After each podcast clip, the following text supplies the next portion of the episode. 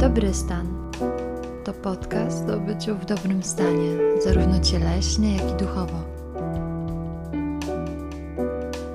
Zapraszam do słuchania. Aleksandra Niewiadowska-Pakuła. Cześć, witam Was w kolejnym odcinku. Dzisiaj jestem razem z Pawłem, któremu za chwileczkę oddam głos, żeby powiedział o sobie kilka słów, bo myślę, że najłatwiej e, w ten sposób jest się przedstawić. Ja bym Wam chciała tylko powiedzieć, że dzisiaj będziemy mówić o doświadczeniu świadomej cielesności. Tak bym, tak bym to zaczęła. E, I to, co wzbudziło moją taką ciekawość tym tematem, jest obserwacja dzieci. E, ja mam teraz malutkie dziecko, ośmiomiesięczne, które nabywa umiejętności poruszania się, więc mogę je codziennie obserwować. To jest naprawdę niesamowite, jak człowiek uczy się poruszać. No i właśnie o takiej między innymi nauce ruszania będziemy mówić. E, witaj Pawle, powiedz proszę kilka słów tytułem wstępu o sobie. Witaj. Mm, witajcie.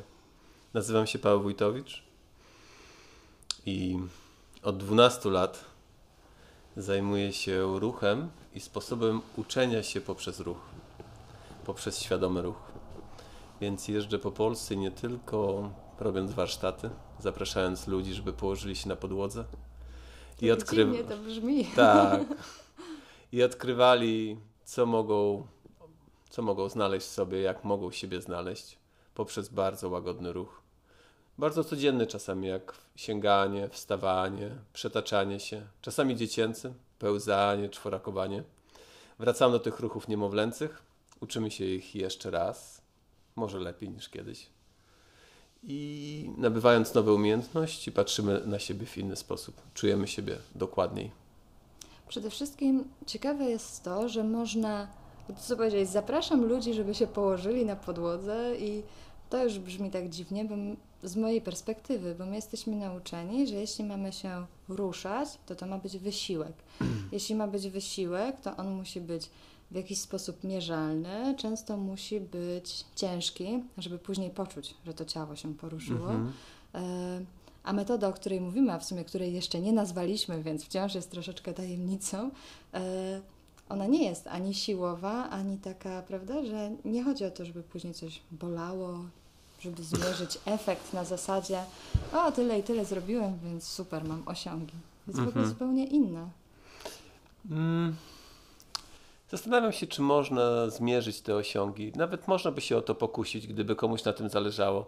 Chodzi o to, że w tej metodzie przestaje na tym zależeć. Okay, A zależeć dlatego, że przestaje, że coś innego staje się ważniejsze. Przyjemność z poruszania.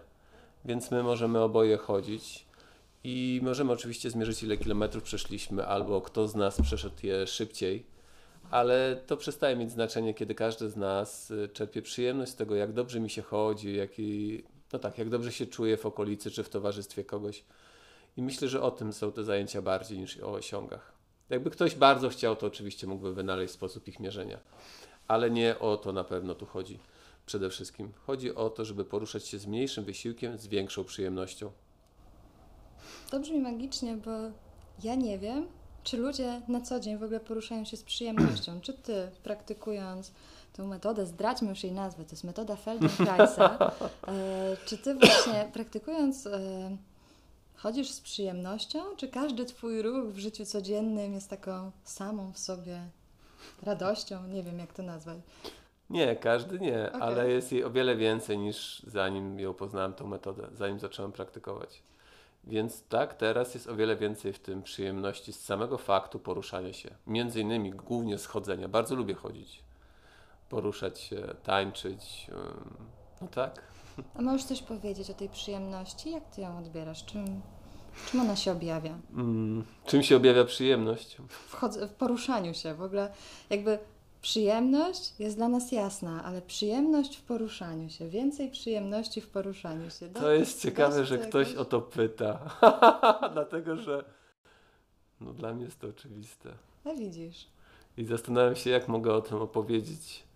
Mm, bo dokładnie to nie wiem, jak mógłbym o to opowiedzieć. Po prostu czerpiesz przyjemność z faktu, że chodzisz. Może na początku to wynika z faktu, że na przykład chodzi ci się lekko. Z takiej różnicy, że kiedyś chodziło ci się ciężej, a teraz chodzi ci się lekko i to robi ci wow. Mhm. Albo dlatego, że wiesz wyraźnie i czujesz wyraźnie, jak chodzi, że tam coś się w środku porusza, wcześniej nie zwracałeś na to uwagę, a teraz owszem i wow, rozumiesz, czujesz i to sprawia ci przyjemność. Ale myślę, że obie odpowiedzi nie wyczerpują tego. Po prostu trochę bym zrobił unik teraz. Mhm. Po prostu czujesz przyjemność z faktu, że, że chodzisz, że idziesz na spacer. Być mm. może to trzeba po prostu poczuć, żeby też zrozumieć, bo nie wszystkie doświadczenia jakby takie fizyczne jesteśmy w stanie przenieść na słowa i jeszcze się podzielić. Tak, prawda? nie wszystkie są przekładalne na to. No. Szczególnie mm, jeśli ktoś nie ma podobnych doświadczeń, to trudno będzie nam się spotkać. Więc trochę na zasadzie zaufania, tak, można czerpać przyjemność z chodzenia, ale myślę, że każdy, kto lubi spacerować, to jakoś uczucie to zna. Kto lubi chodzić po górach, chodzi pie na piesze wycieczki, to w jakiś sposób może w tym odnaleźć przecież przyjemność, po to to robi. I nie chodzi tu tylko o piękno widoków, ale także o po prostu przemieszczanie sam się. Ruch. Mhm, sam ruch.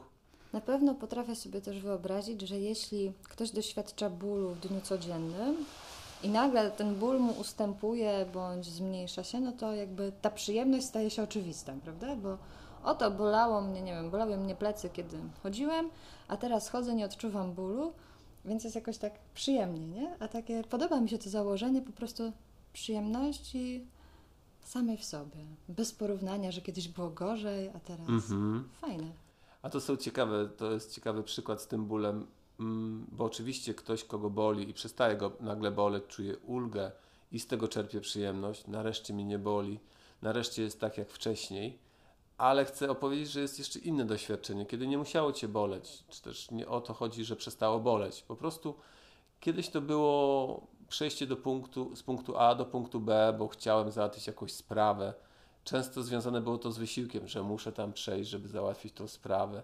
I to myślenie o tym, że chce mi się bądź chyba nie, mhm. i ja muszę to zrobić po coś, mm, sprawiało, że to nabierało pewnego ciężaru, niepotrzebnego ciężaru.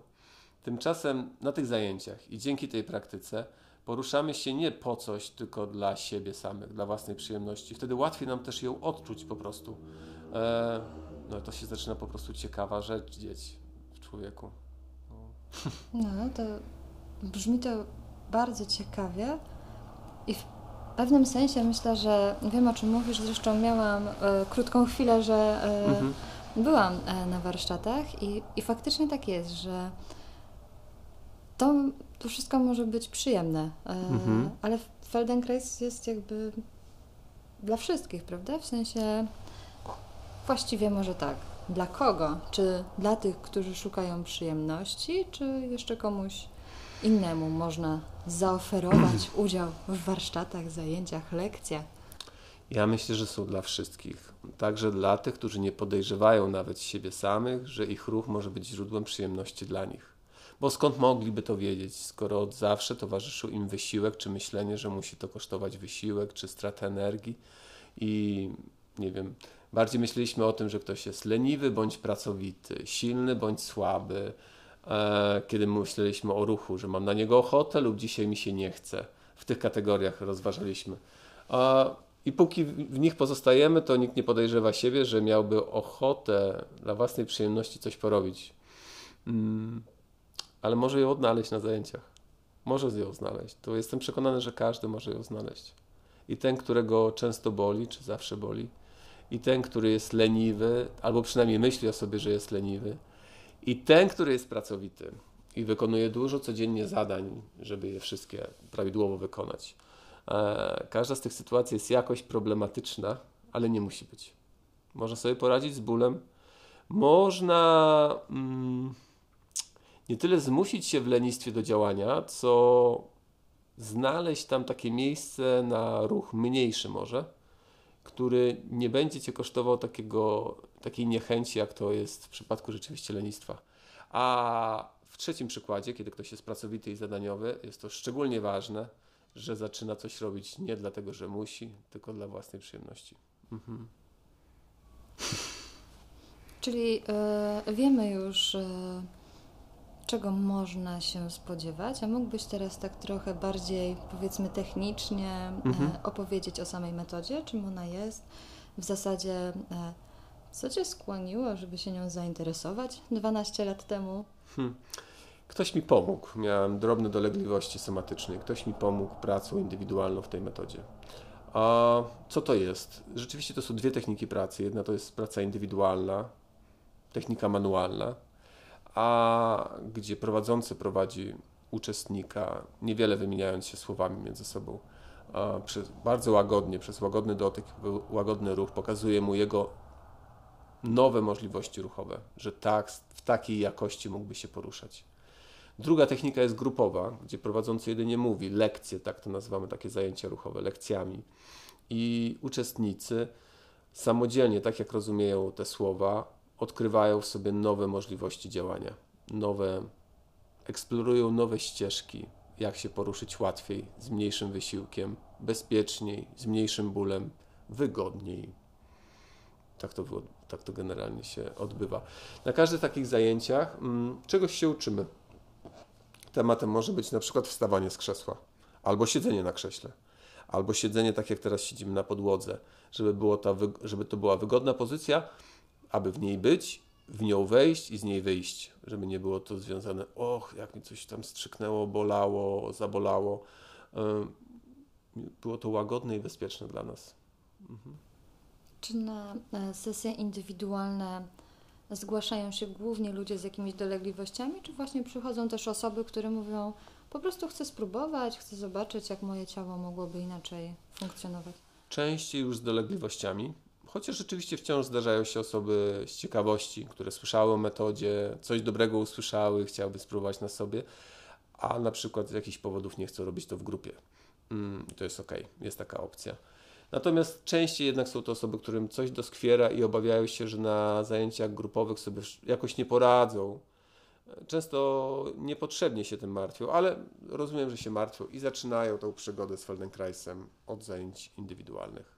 Czasami są rzeczywiście osoby, które na grupowych by sobie mogły nie poradzić, bo na przykład mają już poważny stopień niepełnosprawności i wiele rzeczy, które ja bym mówił na lekcji, by, sobie, by nie mogły same zrobić. Natomiast w pracy indywidualnej możemy zobaczyć, ile mogą w stanie zrobić.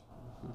Powiedzieli, że mają poważny stopień niepełnosprawności, ale to jest jakaś. Mm, właśnie Feldenkrais pracuje też z osobami y, niepełnosprawnymi. W jakim wymiarze chodzi na przykład? Wszystkie sytuacje, które są o podłożu neurologicznym, okay. czyli są jakiekolwiek uszczerbki czy choroby układu nerwowego, które przejawiają się w ograniczonej ruchomości. Więc może być to porażenie mózgowe, może być to Parkinson, może być to stwardnienie rozsiane, może być to mm, wylew. Więc wszystkie sytuacje, które nam się przydarzyły, tak, które ograniczają naszą ruchomość, a my potrzebujemy, czy chcemy poruszać się lepiej. Nigdy nie słyszałam dotąd, do dnia mhm. dzisiejszego, żeby ktoś e, mówiąc o jakiejś rehabilitacji, na przykład po wylewie właśnie, e, mhm. czy w ogóle na przykład e, w jakiejś takiej, no nie wiem, w chorobie neurologicznej, żeby ktokolwiek kiedykolwiek wspominał o możliwości Feldenkraisa. Czy, czy w ogóle ta metoda jest popularna w Polsce? Lekarze odsyłają, czy podsyłają pacjentów, czy nie? Powoli to się zaczyna. To jest wciąż, jest nas kilkanaście, chyba dwadzieścia osób, które są certyfikowanymi nauczycielami metody Feldenkraisa bo sam kurs trwa 4 lata i to myślę jest taką poprzeczką, która sprawia, że jeszcze niewiele osób się tym zajmuje zawodowo w Polsce. Ale powoli jest ona rozpoznawaną metodą. Mm, myślę, że bardziej wśród fizjoterapeutów niż lekarzy, którzy ucząc się różnych technik, co najmniej słyszeli o tej metodzie, może ją próbowali, jakoś ją znają i często już odsyłają, korzystają z tego, że odsyłają swoich pacjentów na zasadzie spróbowania, czy na zasadzie może tędy droga, i żeby spróbowali metody Feldenkraisa. Tym bardziej, że można ją spróbować z prowadzącym, a potem bardzo łatwo próbować ją już samodzielnie praktykować. Mhm. To jest też duży atut. Tak, bardzo, no bo jest to praktyka, którą możesz codziennie wykonywać bez żadnych nakładów czasowych, finansowych, poza tym, ile czasu spędzisz na podłodze u siebie w domu. Mhm. Inwestujesz po prostu swój czas w siebie. Tak. Mhm. A czy Feldenkrais jest też dla dzieci? Jeśli dzieci mają jakieś problemy neurologiczne, również mogą wziąć udział? Tak, wtedy jest ta praca indywidualna, dla nich szczególnie, bo i tym się też zajmuję. Mm. Pracuję głównie z porażeniem mózgowym, dziecięcym porażeniem mózgowym. Wtedy to jest praca rękami manualna. Mhm. A może jakie są efekty? Możesz coś opowiedzieć? Może jakąś historię e, mhm. jakiegoś dziecka, żeby tak troszeczkę nam zobrazować? Jasne. Taki najbardziej może oczywisty przykład jest e, Kati, która kiedy spotkaliśmy się po raz pierwszy miała 12 lat i wtedy to było bardzo poważne porażenie mózgowe, wtedy leżała tylko na plecach. Nawet na brzuchu leżenie sprawiało jej strach. E, płakała, krzyczała, nie mówiąc już o innych wykonywanych czynnościach. Po, po kilkunastu spotkaniach E, to była też spastyczność mięśni, czyli ogromne napięcie mięśni. Mhm. Po kilkunastu spotkaniach to spastyczność była na tyle mniejsza, że ona mogła pełzać, przetaczać się na brzuch i z powrotem, a potem z odrobiną pomocy e, podciągać się na takiej drabince i wstawać, trzymać wow. się. Mhm ale wymagało to właśnie kilkunastu spotkań ze mną i pracy mamy, mhm. bo rzeczywiście nasze spotkania polegały na mojej pracy z dzieckiem, a potem na tłumaczeniu rodzicom, jeśli są zainteresowani, bo też nie zawsze tak jest. Ale, ale jeśli są zainteresowani, jak oni sami mogą w domu pracować potem z dzieckiem swoim. Myślę, że to niesamowicie w ogóle, jaka zmiana jakości życia, prawda? Tak, tak, bo, no bo to jest już kilkunastoletnia osoba, która po prostu waży i jest coraz trudniej funkcjonować e, nawet w najprostszych czynnościach. Jeśli w jaki, jakikolwiek sposób ona może pomóc w tym sama, poruszając się sama, bardzo to ułatwia mamie po prostu życie codzienne. Mhm. czyli dla dzieci e, z porażeniem mózgowym Warto to zapamiętać. Myślę, że to nie jest niestety jeszcze wiedza powszechnie e, dostępna. Nie jest. Mhm. Warto, warto o tym mówić. Czy jeszcze z jakimiś innymi dolegliwościami, choroba, chorobami można też próbować szukać pomocy właśnie w Feldenkraisie? Zacznijmy od takich naprawdę podstawowych, jak ból pleców. Aha, które... Bardzo e, popularny i dotyczący. Tak, może jednej trzeciej populacji, serio mówiąc. Jak najbardziej. Jak najbardziej można korzystać. Są dość proste lekcje, które chcę to zaznaczyć. Nie, nie mogę obiecywać i zagwarantować, że one pomogą, bo to sprawa jest bardzo indywidualna, ale spróbować na pewno warto, szczególnie, za, szczególnie jeśli ma się perspektywę już e, chirurgicznej interwencji, mhm. operacji. Jeśli ktoś stoi przed takim wyborem, zachęcałbym go, żeby najpierw sprawdził Feldenkraisa, bo jest to praca nieinwazyjna. Mm, no tak, i ewentualnie potem zdecydował się na kolejny krok, na pójście dalej w innym kierunku. Ale nic nie kosztuje, żeby zrobić kilka lekcji samodzielnie w domu, czy przyjść na warsztaty i zobaczyć, a nóż to pomoże. Nawet teraz mieliśmy przed chwilą warsztaty i była pani, która, której lekarz już zaproponował wymianę biodra, operację stawu biodrowego. Ona jeszcze nie jest zdecydowana na to i pomyślała, że najpierw przyjdzie na warsztaty Feldenkraisa.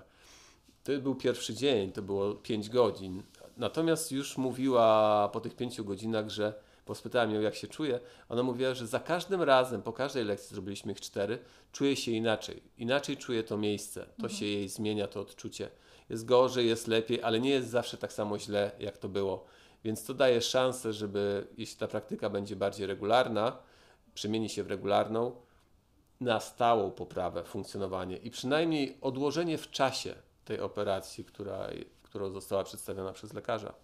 Więc szkoda byłoby tego nie spróbować. No pewnie. Mhm. Już interwencja chirurgiczna to jest rzecz poważna. I nieodwracalna. I nieodwracalna. Tak, to już coś zmienia na zawsze. Mhm. I często no, jakby jakość życia później też e, przynajmniej na jakiś czas jest e, obniżona, prawda? Więc warto próbować sobie mhm. pomóc, jeśli to jest możliwe, jeszcze na mniej inwazyjne sposoby. Pewnie, że tak. I może podkreślę, pomóc sobie samemu. Bo to jest ważne w metodzie Feldenkraisa, że tutaj nawet ja jako prowadzący nie występuję z pozycji e, autorytetu, który mówi co, jak masz zrobić, żeby twój staw biodrowy stał się lepszy. Ty, eksplorując ruchy, owszem, podane przeze mnie w lekcji, ale ty sama eksplorując ruchy w zakresie, który dla ciebie jest wygodny, po prostu czujesz, którędy, jak masz się poruszyć, żeby to sprawiało mniejszy ból, było wygodniejsze dla ciebie.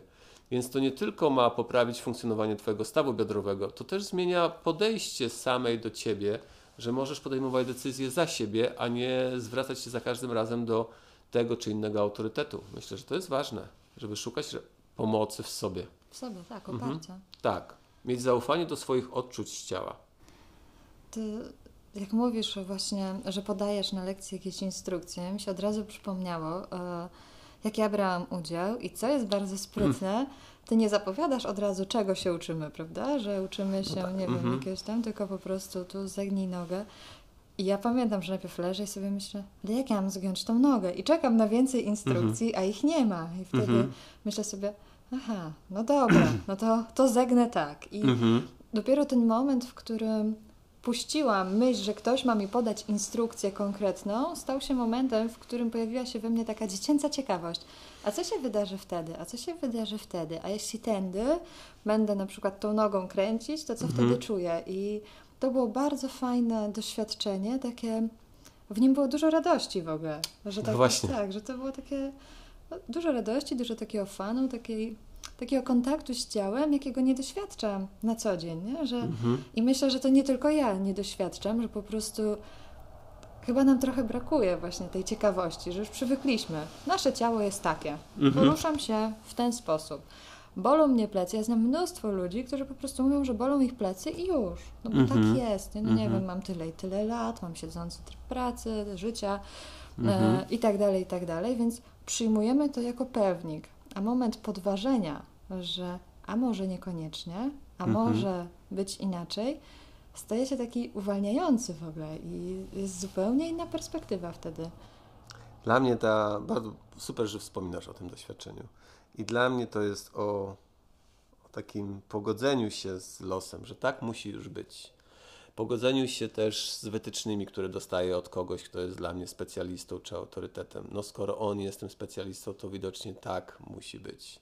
Pogodzenie się też z taką ciasną sytuacją, że idę po coś, zawsze idę tylko po coś, a nie dla własnej przyjemności, od czego zaczęliśmy rozmowę. Tak. To bardzo ciasne spojrzenie na swoje życie. Nie musi takie być. Można coś robić dla przyjemności, można coś robić nie mając dokładnie wytycznych i dokładnie nie wiedząc, co chce się zrobić. Wtedy rozbudza się tą ciekawość, o której wspominasz, i w jakiś sposób to też oznacza, że nie zawsze musi boleć, bo ma się już tyle lat, bo nie musi. No. Bo to, czy boli, czy nie, zależy od tego, jak siebie używamy. I właśnie od tego, czy używamy siebie w sposób bardzo ciasny, nawykowy, zadaniowy, schematyczny, czy używamy siebie z ciekawością, dla przyjemności? Mm, czasami nie wiedząc dokładnie, co chcemy w tym momencie zrobić, ale dając sobie przestrzeń i czas na takie skołowanie, zagubienie, na niepewność. Uważam, że niepewność powinna być jako zaleta traktowana, bo dzisiaj trochę zmieniając, mając dygresję, dygresję mówiąc, pewność siebie jest przekazywana jako zaleta. Na zajęciach Feldenkraisa zachęcam uczestników, żeby byli niepewni, że to jest ostrożność. To coś zupełnie innego tak, Żeby tutaj. nie bali się, że nie wiedzą, żeby byli ostrożni, robią coś nowego. I to dobrze, jeśli są ostrożni, tak jak małe dzieci są ostrożne. Uczą się nowych rzeczy i one nie są brawurowe, one są właśnie ostrożne. Tak, Uczą się powoli. Zajmuje im to dni i tygodnie. My ma, nie mamy tyle czasu, ale ta postawa nam też pomaga. Pewność siebie jest już wiedzeniem, jak należy to zrobić, a to nie jest już nauką, już się nie uczę, to już jest koniec. Niepewność jest, jeszcze nie wiem, jestem ostrożny, może tędy, może tędy, tu spróbuję, tutaj mi się nie podoba. To jest całkowicie inny tryb, inny tryb działania. Ale tak, e, ja się z Tobą w pełni zgadzam, bo moment, w którym my uznajemy, że już wszystko wiemy, jest momentem, w którym wyłączamy zupełnie możliwość doświadczania czegoś nowego i po prostu nauki. A ja osobiście tak uważam, mhm. że nie ma takiego momentu w naszym życiu, e, w którym już się nie możemy niczego więcej nauczyć. Ok, być może ja jestem e, stosunkowo młoda, jak będę miała 90 lat, to powiem wtedy już wszystko wiem, ale mam też takie poczucie, że zawsze się czegoś uczymy o sobie, o świecie. Mhm. Podejrzewam, że mając 90 lat, mam nadzieję, że z ciekawością będę przyglądała się temu, jak moje ciało reaguje na ten wiek. Nie? Zawsze jest taki coś, czego nie wiemy. Oczywiście nieustannie się zmieniamy i to może być dla nas ciekawe, albo właśnie nie musi być ciekawe, bo uznajemy, że to jest normalne, tak musi być i cóż, trudno. I to jest właśnie pogodzenie się z losem. Co więcej, stwierdzenie, że wszystko się już wie, jest bardzo niebezpieczne, bo wtedy najbardziej ryzykujemy przez to, że już przestajemy uważać. I ta pewność siebie, o której mówię, tym takim negatywnym świetle jest właśnie wyznacznikiem tego ryzyka. Uważajcie na ludzi, którzy są pewni siebie, bo oni już wszystko wiedzą. Oni już wszystko wiedzą. Tak. No, masz rację, że też w kontekście ciała, mhm. E, jak, jak przestaje tak i to też jest dla mnie takie bardzo, e, jak widziałam u Ciebie we wpisach Feldi, to określenie, że jeśli w kontekście ciała mamy taką pewność, że ono takie jest zdrowe, mhm. ono takie jest sprawne, e, to przestajemy je też tak dostrzegać i być może przez to czasami właśnie przekraczamy granice, nawet nie zauważamy, w którym mhm. momencie to ciało jest przeciążone, zmęczone e, i to też się staje wtedy niebezpieczne i czasami tak. w takie mm. ciemne kąty. Mm. Kiedy używamy siebie zadaniowo, mamy jakby najważniejsze dla nas jest wykonanie zadania. Co ja rozumiem w życiu codziennym, ja też mam wiele rzeczy do zrobienia i chcę je po prostu zrobić. Natomiast szkoda, jeśli w trakcie robienia tego absolutnie nie zważamy na to, czym robimy, czyli sobą, swoim ciałem. Używamy tego jak narzędzia, które, no właśnie, jeśli się zużyje, to co z tym zrobimy? Nie zawsze można je wyleczyć, naprawić. To nie jest maszyna, którą można naprawić, to nie jest przedmiot, który można wymienić na nowy. To jest jedyne ciało, które mamy do dyspozycji. I ono wcale tak łatwo się nie naprawia. Ono się może regeneruje, ale to trwa i też z czasem coraz wolniej to wiemy. Więc mm, no tak, warto uważać, jak używamy swoje ciało, żeby nie zużywało się tak szybko, jak wtedy, kiedy traktujemy je jako przedmiot.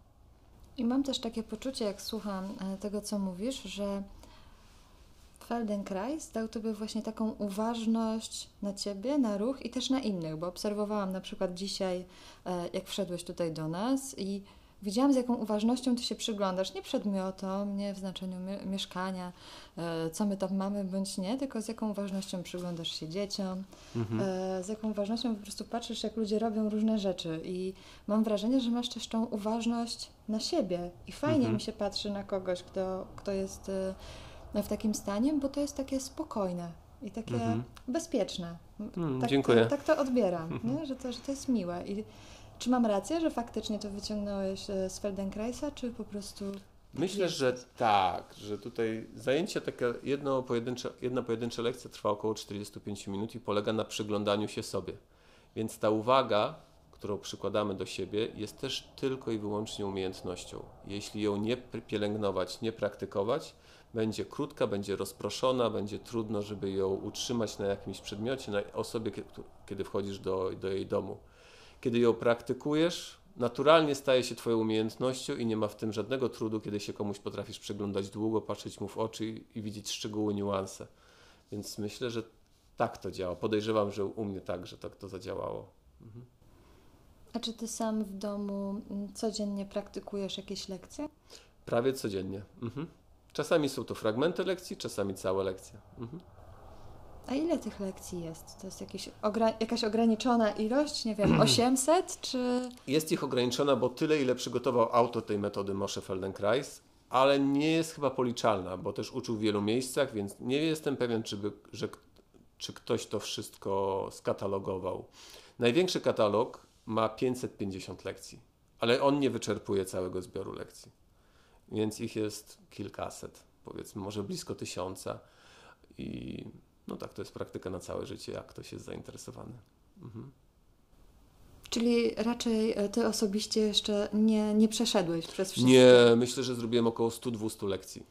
Tak. Może 200 lekcji zrobiłem, tak teraz myślę o tym. Mhm. Nie Ale... jestem w połowie. No jeszcze dużo przed Tobą. Tak Mam nadzieję. Mhm. Mam nadzieję, bo to ciekawe lekcje są, więc ciekawe. bardzo chciałbym je Chciałbyś poznać. Móc. Tak, tak. Mhm. E, a sam autor, y, bo tutaj przy, przywołałeś go, mm, czytając kiedyś o nim, e, to najbardziej go kojarzy jako tego pana, który e, uczył stawania na, głowę, na głowie premiera Izraela. Izraela. Właśnie. Mhm. Tak? To, o co w tym chodziło? W tej historii. Mhm. Mm, wtedy już Moshe Feldenkrais był dość znaną osobą w Izraelu. Mm, I co? Poznał Ben Guriona, kiedy ten miał chyba około 60-70 lat i rzeczywiście już był premierem, był znaną osobistością. I, I taką nie najmłodszą. Nie najmłodszą. I historia, tak jak ja ją usłyszałem, polegała na tym, że mm, Ben Gurion zawsze, już od dzieciństwa, był bardzo inteligentny, ale brzydki. Po prostu jego ciało było, był niski, był nieatrakcyjny dla dziewcząt i chyba, no chyba, to było ważne w jakiś sposób dla niego wtedy w młodości.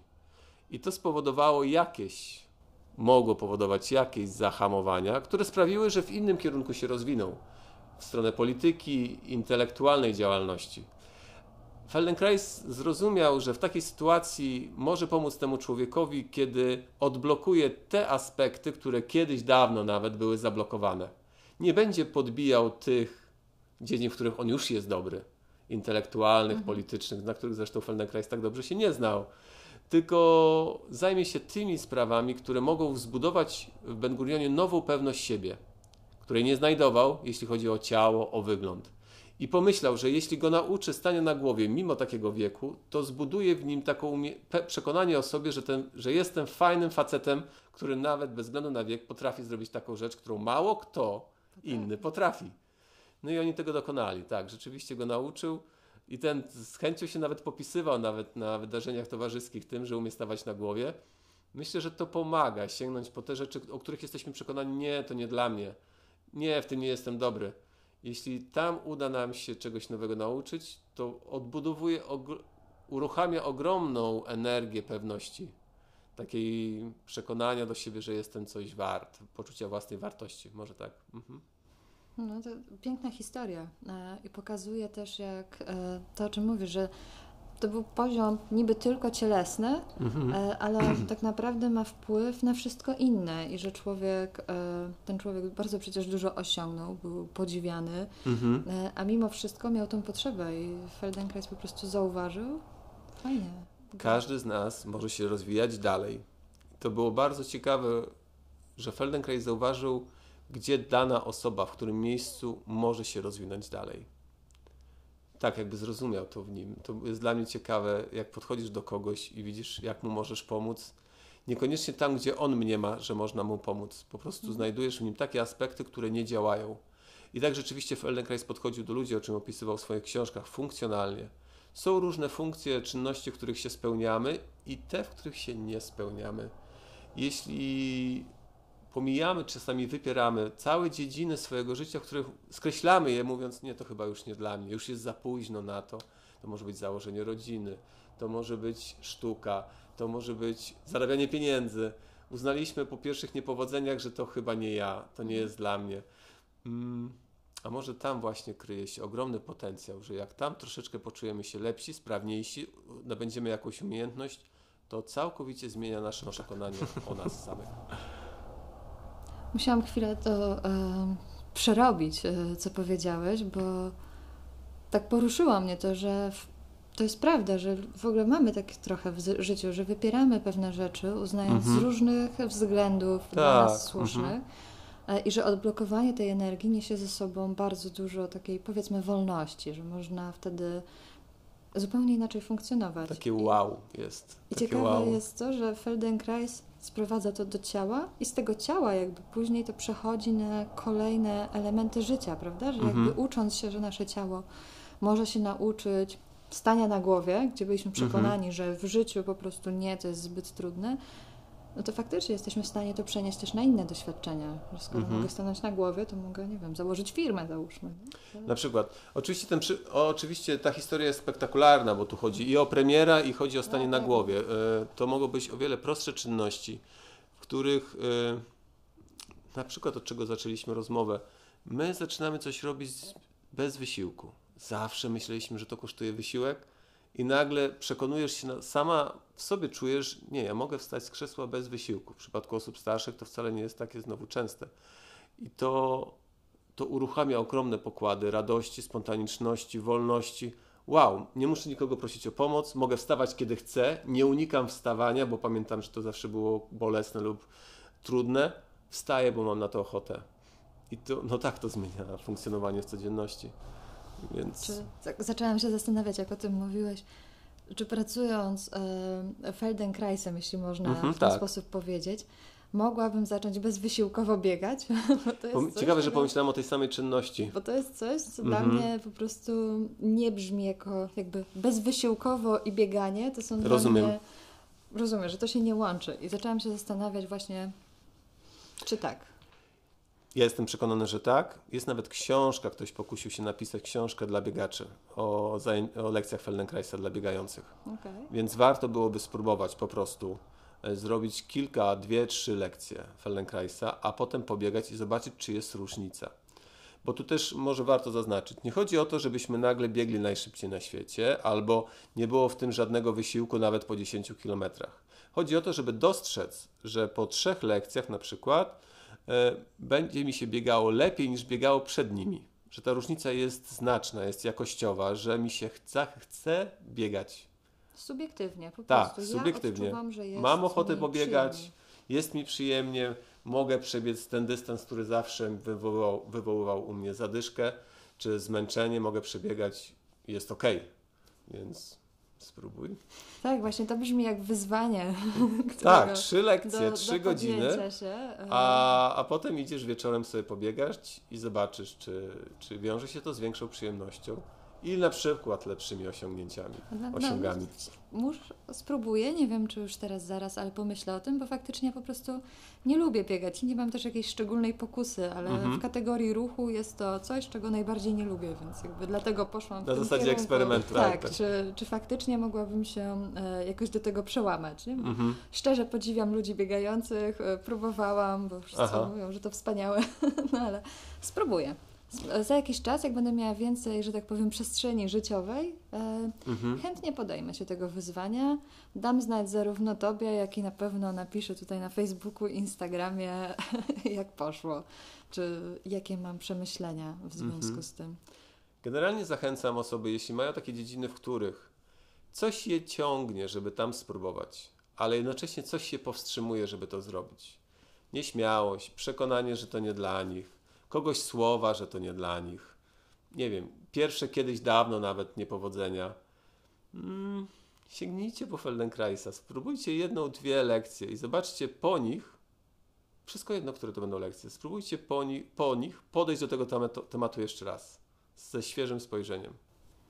Feldenkrais jest taki bardzo życiowy. Tak jak sobie rozmawiamy, to mam wrażenie, że w tej metodzie jest dużo jakby pozwala doświadczyć tego, co można przenieść później na życie i bardzo je wzbogacić. Tak to, tak to dla mnie brzmi. Tak, bo, bo my używamy tego ciała cały czas. To nie jest tylko ruch na zajęciach ruchowych, czy na, w sporcie, czy w tańcu.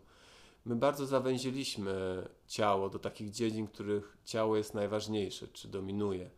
My, kiedy teraz rozmawiamy, my rozmawiamy też swoimi ciałami, my siedzimy naprzeciwko siebie i może być nam mniej lub bardziej wygodnie, może nas boleć bądź nie. My się tego ciała nie pozbywamy ani na chwilę, nawet jak śpimy. Więc yy, my wszystko robimy przez ciało. Te życiowe rzeczy, jak ty je nazywasz, robienie biznesu, zakładanie rodziny, my też robimy przez ciało. Ludzie nas czytają, patrząc na nasze ciało. My odczuwamy nasze emocje, kuląc się lub stojąc swobodnie, oddychając płytko lub głęboko od tego zależy nasze samopoczucie, komfort, kiedy jesteśmy w towarzystwie kogoś, kto na przykład jest dla nas trudnym partnerem w rozmowie. To czy kiedy z nim negocjujemy, kłócimy się na przykład, są przykre sytuacje, jak sobie z nimi poradzimy, zależy od tego, jak umiemy kierować swoim ciałem. Co robimy ze stopami, co się dzieje z naszym oddechem, czy my się garbimy i unikamy, czy wręcz przeciwnie, przyjmujemy sytuację i próbujemy się w niej odnaleźć. To wszystko ma aspekt somatyczny. My po prostu o tym zapominamy. Myślę też, że mm, nie jesteśmy tego uczeni, bo trochę jakby ja mam takie może doświadczenia z racji tego, że mam dzieci po prostu teraz i ja się, ja się staram tego nie robić, ale często to słyszę. Taki prosty przykład. E, nic się nie stało, na pewno cię nie boli, tam nie wiem, kolanko, nie? I że jakby mhm. już na tym poziomie jesteśmy uczeni, że to ciało jest jakby że doświadczenie z ciała jest drugorzędne i tak stopniowo, stopniowo, stopniowo odcinamy się od tej świadomości, bo jakby dostajemy przekaz, że ona jest nie do końca tak, że ten, te sygnały nie do końca są, jakby możemy im zaufać. I myślę, że stąd mamy też problemy z takim, ja bym powiedziała, powrotem do ciała, z zaufaniem ciału, jego sygnałom i mhm. nawet z taką sympatią czasami do, do ciała, nie? Że, z czułością. Z czułością. Z wyrozumiałością. Mamy słabsze momenty, mamy bardzo mocne momenty, pełne poczucia mocy, siły, ale mamy też takie, kiedy czujemy no, się słabiej, niepewniej, to jest ok. Ten komunikat, który mówimy swojemu dziecku, że przecież ci nie boli, czy na pewno ci nie boli, jest strasznym komunikatem, bo ono e, burzy zaufanie dziecka do własnego ciała. Skoro Właśnie. ja czuję, że boli mnie kolano, a mój największy autorytet, moja miłość, moja mama mówi mi, że to nieprawda, muszę coś wybrać, wybieram mamę, bo od niej zależy, ja ją kocham. Tak, jestem lojalny wobec mamy. Na przykład. I... Moje życie od niej zależy. Tak. Nie mogę się odciąć. Nie mogę się od tego odciąć.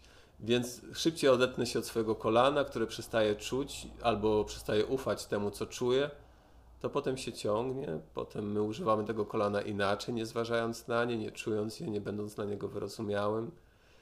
Nie trzeba, tak? Nie trzeba tego wybierać. Nie trzeba stawiać dziecku tego dylematu, tego wyboru. To nie jest konieczne, to niczemu nie służy. Tak. Kogoś boli, to go boli. Jeśli o tym mówi, to wspaniale, że potrafi o tym powiedzieć. Powinniśmy to docenić. Powinniśmy coś zrobić, żeby przestało boleć, ale nie zaprzeczać temu, że boli. Znaczy... Ból jest tak naprawdę doświadczeniem subiektywnym i jeśli ktoś mówi, boli mnie, no to no znaczy, tak. że on tak to odczuwa. Więc... Słyszę cię, słyszę tak, cię, że cię boli. Czasami mhm. wystarczy tylko tyle, prawda? I... Mhm. I zresztą to ma też e, odniesienie nie tylko do dzieci, ale też do dorosłych, bo e, na wielu płaszczyznach spotykam się po prostu z takim zaprzeczaniem e, komunikatom, które płyną z ciała. Nie wiem, nie jesteś zmęczony, ale to, że jesteście ciąża, to nie choroba, więc nie możecie nic boleć. Jest mhm. cała masa, że tak kulturowo jesteśmy chyba przygotowani, żeby od ciała się odciąć. Zresztą są też takie kulturowe aspekty dotyczące urody. I mhm. też nam to wcale nie ułatwia później czuć się komfortowo w naszych mhm. ciałach, bo nie dość, że jesteśmy uczeni, że sygnały z nich nie możemy im ufać, to jeszcze do tego e, ludzie słyszą ciągle, że jakby też nie wyglądają tak, jak powinni wyglądać. Nie wiem, za niscy, za grubi, za chudzi, mhm. mają, nie wiem, za duże dłonie i jakby to wszystko sprawia, że nasze ciało nie jest dla nas przyjacielem, tylko takim Zna, naprawdę, znam wielu ludzi, którzy wręcz mówią, że to taki balast, nie? Mm -hmm, ja po mhm. prostu, no... Strasznie, strasznie smutne to słyszeć. Bo te informacje, którym, które chcemy zignorować, to one są bardzo pożyteczne dla nas przecież. Te informacje z ciała, zacznijmy od tej pierwszej kwestii. Eee, to nie tylko, że my nie będziemy ich słyszeć, bo będziemy słyszeć kogoś innego, kto dla nas jest znaczący, ważny. One nas, nas informują, żebyśmy czegoś nie robili. Jeśli kolano mnie boli, to znaczy, że powinienem na nie uważać i nie uderzać nim jeszcze raz. Jeśli my, my to zignorujemy, my ryzykujemy więcej. No tak, my ryzykujemy dużo poważniejsze sytuacje niż jest w obecnej, niż jest teraz. E, co do tych kanonów, no mm, trudno mi się tak bezpośrednio odnieść z perspektywy metody Feldenkraisa. Może tyle, że może zacznijmy od tego, znaczy wróćmy do tego, od czego zaczęliśmy. Jeśli ciało jest źródłem przyjemności, ruch jest źródłem przyjemności, to naprawdę nie, nie już tak kompulsywnie nie szukamy tej przyjemności na zewnątrz, w oczach innych. My tego już tak bardzo nie potrzebujemy. Nie musimy się odbijać. Ja naprawdę, jeśli czuję, że jest mi dobrze ze sobą, bo lubię chodzić i mi to sprawia przyjemność, nie potrzebuję, żeby ci się podobać. No, no tak, mi to już jest, nie jest potrzebne. Mogę, ale nie muszę. No jakby nie robi mi to różnicy, bo tam ktoś, kto jest dla mnie ważny, oczywiście zależy mi na tym, ale tak dla osób trzecich, postronnych naprawdę nie jest to tak ważne, czy ja się podobam, czy nie, czy jeszcze się w, im, w ich wyobrażeniach piękna bo, ja, bo mi się przyjemnie idzie ulicą w tym momencie i tym się zajmuję. Cieszysz się sobą po prostu, tak, tak, tak. E, no. opiniami ludzi dookoła. I... Nie wiszę na nich, na tych opiniach mm. innych. E, rzeczywiście zauważam, że dużo osób, sporo osób może wciąż jeszcze wisieć na tych opiniach innych, że one są jakoś im potrzebne. Może potrzebne z braku, a może ten brak bierze się właśnie stąd, że z ciała nie słyszą tych podpowiedzi, jest ok, jest super, idźmy dalej tak. wspólnie. No. Może, no nie wiem, musiałbym się nad tym zastanowić, ale może z tego to wynika. To wszystko jest naprawdę fascynujące, prawda? Jak, e, jak to ciało, jakim może być też dla nas przewodnikiem, nauczycielem e, i ile możemy się z niego nauczyć. I właśnie chciałam Cię jeszcze zapytać o tą naukę, bo tak naprawdę Feldenkrais e, tak naprawdę, nie jestem pewna, czy tak naprawdę, tak naprawdę Pytaj. przeczytałam, że Feldenkrais jest o uczeniu się. Mhm. Pra to jest prawda. Mhm. Okay. Czyli tak naprawdę jest dobra. Ale co w, co w tym jest, yy, co pod tym pytaniem? Że mm, uczymy się jakby nowych ruchów i mhm. że też trochę już o tym w sumie powiedzieliśmy, że przenosimy to na inne e, elementy życia, tak? I że mhm. skoro myślę, że dla dorosłego człowieka to może być i trudne, i ciekawe doświadczenie, że oto mam się czegoś nauczyć teraz, nie? Że też trochę włączamy, uczymy się w szkole, a tutaj jesteśmy dorośli, Aha. przychodzimy na warsztat i mamy się uczyć ruchu świadomego, rozumiesz, nie? Że... Nie wiem, czy mi się uda, ale spróbuję połączyć te wątki w tym, w tym temacie uczenia się. Dobra. Um, bo ja jeśli tyle czasu rozmawialiśmy o pewnym zaufaniu do swojego ciała, o słuchaniu go, od odzyskaniu kontaktu z nim, to rzeczywiście w metodzie Feldenkraisa dzieje się to wszystko w sytuacji dynamicznej, w tym sensie już tłumaczę, że to ciało się nieustannie zmienia, bo nabywa nowe umiejętności. Więc to nie jest tak, że jest jakiś stan stały, jakiś Paweł Wójtowicz i ja mam odnaleźć z nim kontakt. Jak już odnajdę, to jesteśmy w kontakcie na zawsze. Nie, ja odnajduję ten kontakt dlatego, że to ciało uczy się nowej umiejętności. Ono jakby się mi ujawnia na nowy sposób i ja wtedy je odnajduję. Ja nie może to jest trochę zagmatwane, ale po prostu opowiadam ja, o swoim doświadczeniu. Ja nadążę. Mam mhm. nadzieję, że wszyscy, którzy będą nas słuchać również, bo ja też zadałam zagmatwane nawet nie pytanie, tylko mhm. jakby Spróbuję to na przykładzie wytłumaczyć. Czyli jeśli zawsze wstaję z krzesła tak samo, to jest to coś tak nawykowego, że przestaję na to zwracać uwagę i wtedy kontakt ze swoim ciałem przestaje nie jest tak potrzebny, ani nie jest tak łatwy do uzyskania, bo zawsze robię tak samo. To jest tak oczywiste jak powietrze, którym oddycham i które nie widzę. W momencie, kiedy uczę się wstawać z krzesła na nowy sposób, na przykład bez wysiłku, z większą przyjemnością, z większym bezpieczeństwem, to nawyk jest zakwestionowany, ten stary. Muszę się nauczyć czegoś nowego. Wtedy zwracam uwagę na swoje ciało. To dobra, co ja robię stopami? Co się dzieje z moim kręgosłupem, kiedy wstaję? Na tym polega lekcja wstawania z krzesła. Wtedy nawiązuję kontakt ze swoim ciałem. To nie jest nawiązanie kontaktu wydumanego. Teraz będę czuł kontakt ze sobą, mhm. teraz będę czuł kontakt ze sobą. To nie na tym polega. Lekcja polega na tym, zwróć uwagę, co robią Twoje stopy, kiedy wstajesz. A co robisz z barkami? Napinasz je czy nie? Pochylasz? To są konkretne pytania, które prowadzący, którymi prowadzący pomaga Ci przejść przez lekcję i nauczyć się wstawać. I jakby uf, e, efektem ubocznym wstawania jest Twój odświeżony kontakt ze sobą samą, bo Ty już wiesz, co się dzieje z barkami, ze stopami, z głową. I nie wiadomo, czy przy okazji nauczyłaś się wstawać z krzesła, czy przy okazji odzyskałaś kontakt, kiedy uczyłaś się wstawać z krzesła. To jest nieważne, który temat jest znaczy to jest kwestia priorytetów, co jest ważniejsze, ale idzie to w parze. Uczymy się nowych umiejętności przez to, że widzimy swoje ciało na nowy sposób, bo zwracamy na nie uwagę, co robi, kiedy robimy to po staremu, po w nowych, alternatywnych sposobach. No tak. I jeszcze chciałabym się Ciebie zapytać, e, po tym wszystkim, po tym doświadczeniu, e, o którym teraz opowiedziałeś, e, ja również to miałam, chociaż e, nie, niewiele czasu spędziłam na warsztatach. E, że tak powiem, widzimy to teraz praktycznie, bo tu jeszcze z nami jest e, Gosia. I jest coś takiego jak taki, nie wiem, reset, jakby to powiedzieć, mózgu, układu nerwowego, taki bananowy mózg, że ja miałam takie poczucie, że wychodzę po prostu jak taka galaretka, że moje ciało jest inaczej, ale że też jakby byłam taka spowolniona, troszkę ospała. I to było w sumie przyjemne doświadczenie, ale też niecodzienne. I czy to jest zawsze przy wszystkich lekcjach? I to jest jakaś oznaka, że okej, okay, czy... Nie, tak nie musi być zawsze. Nie, nie wszyscy przeżywają to w ten sposób, odczuwają. Niektórzy są naenergetyzowani. Okay. Zależy to od osoby, od konkretnej lekcji. Są mniej lub bardziej dynamiczne lekcje, więc nie jest to reguła. Ale warto o tym powiedzieć, zatrzymać się na tym, na tym bananowym umyśle, tak? Bananowy mózg, tak. Bananowym mózgu. E, o co tu może chodzić? E, jeszcze raz. W trakcie zajęć my zakwestionujemy Twój normalny sposób działania. Więc Twój mózg nie może powtarzać tego, co powtarzał zawsze. On jest jakby wytrącony z równowagi, on jest skołowany. Dzisiaj ktoś z uczestników warsztatów powiedział, że jest rozklekotany. Okay. Tak?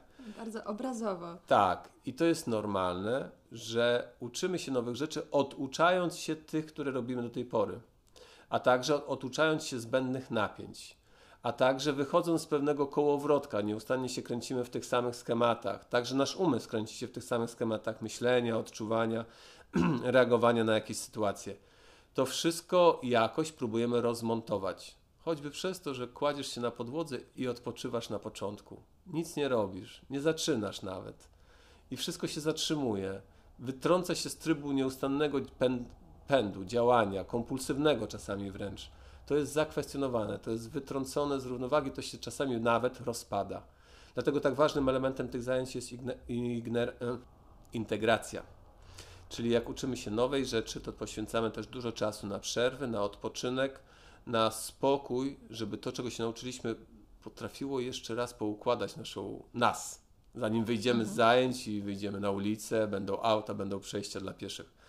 Na to też jest potrzebny czas, żebyśmy się zintegrowali na nowo, reintegrowali. Mhm.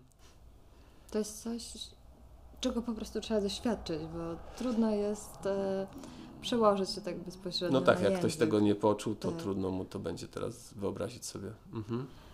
Zastanawiam się, czy coś jeszcze powinniśmy powiedzieć o tej metodzie, bo mam wrażenie, że mm, bardzo nas rozmowa poniosła w wiele z ciekawych kierunków.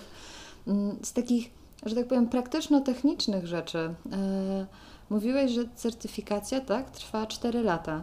Tak, kurs nauczycielski trwa 4 lata. A czy on jest robiony w Polsce, czy to są. Na razie jeszcze nie ma w Polsce. Na razie są tylko zagraniczne. W Europie jest kilkanaście takich kursów w różnych krajach. Najbliżej jest w Czechach, chyba w Niemczech, w Austrii, w Wiedniu, mhm, w Szwecji. Okej. Okay. Chciałbyś coś jeszcze dodać od siebie, czy o czymś ważnym może? Hmm, może o tym, że są lekcje też dostępne na internecie, że można to spróbować. Oczywiście warto przyjść na warsztaty, na zajęcia, zapraszam serdecznie, ale jak ktoś nie może, czy na razie nie jest przekonany, może spróbować po prostu na internecie, choćby na mojej stronie na SoundCloudzie, znaleźć nagrania i spróbować samemu, choćby fragment lekcji, żeby poczuć to, o czym tutaj rozmawiamy, bo masz rację, nie wszystko ma sens opowiadać, zanim się doświadczy. Mhm. Ja na pewno dodam jeszcze linki. E, ale jak mógłbyś powiedzieć właśnie, gdzie, gdzie Ciebie w internecie e, można znaleźć i gdzie robisz warsztaty? Bo to tak mhm. naprawdę, mhm. ja mam wrażenie, że Ty po całej Polsce e, podróżujesz z warsztatami. Tak, w tym momencie tak. Jeżdżę do tych większych miast, czyli Kraków, Warszawa, Gdańsk, Zielona Góra, Poznań, Wrocław. Czasami są to wyjazdowe poza miasto. Mm, są czasami online mm, na Zoomie i są nagrania lekcji na SoundCloudzie. Link najłatwiej znaleźć i informacje o tych warsztatach na Facebooku. Metoda Feldenkraisa Paweł Wójtowicz. I nas zapraszam na tą stronę. Tam zawsze też można wysłać wiadomość i spytać o konkretne wydarzenia. A stacjonarnie y, gdzie jesteś? Pod Krakowem. Pod Krakowem. Mhm, tam przyjmuję indywidualnie też. Mhm. Dobra. Dziękuję Tobie bardzo za, za rozmowę. Dziękuję za zaproszenie. Było Fajna bardzo miło. Dzięki wielkie. Dzięki.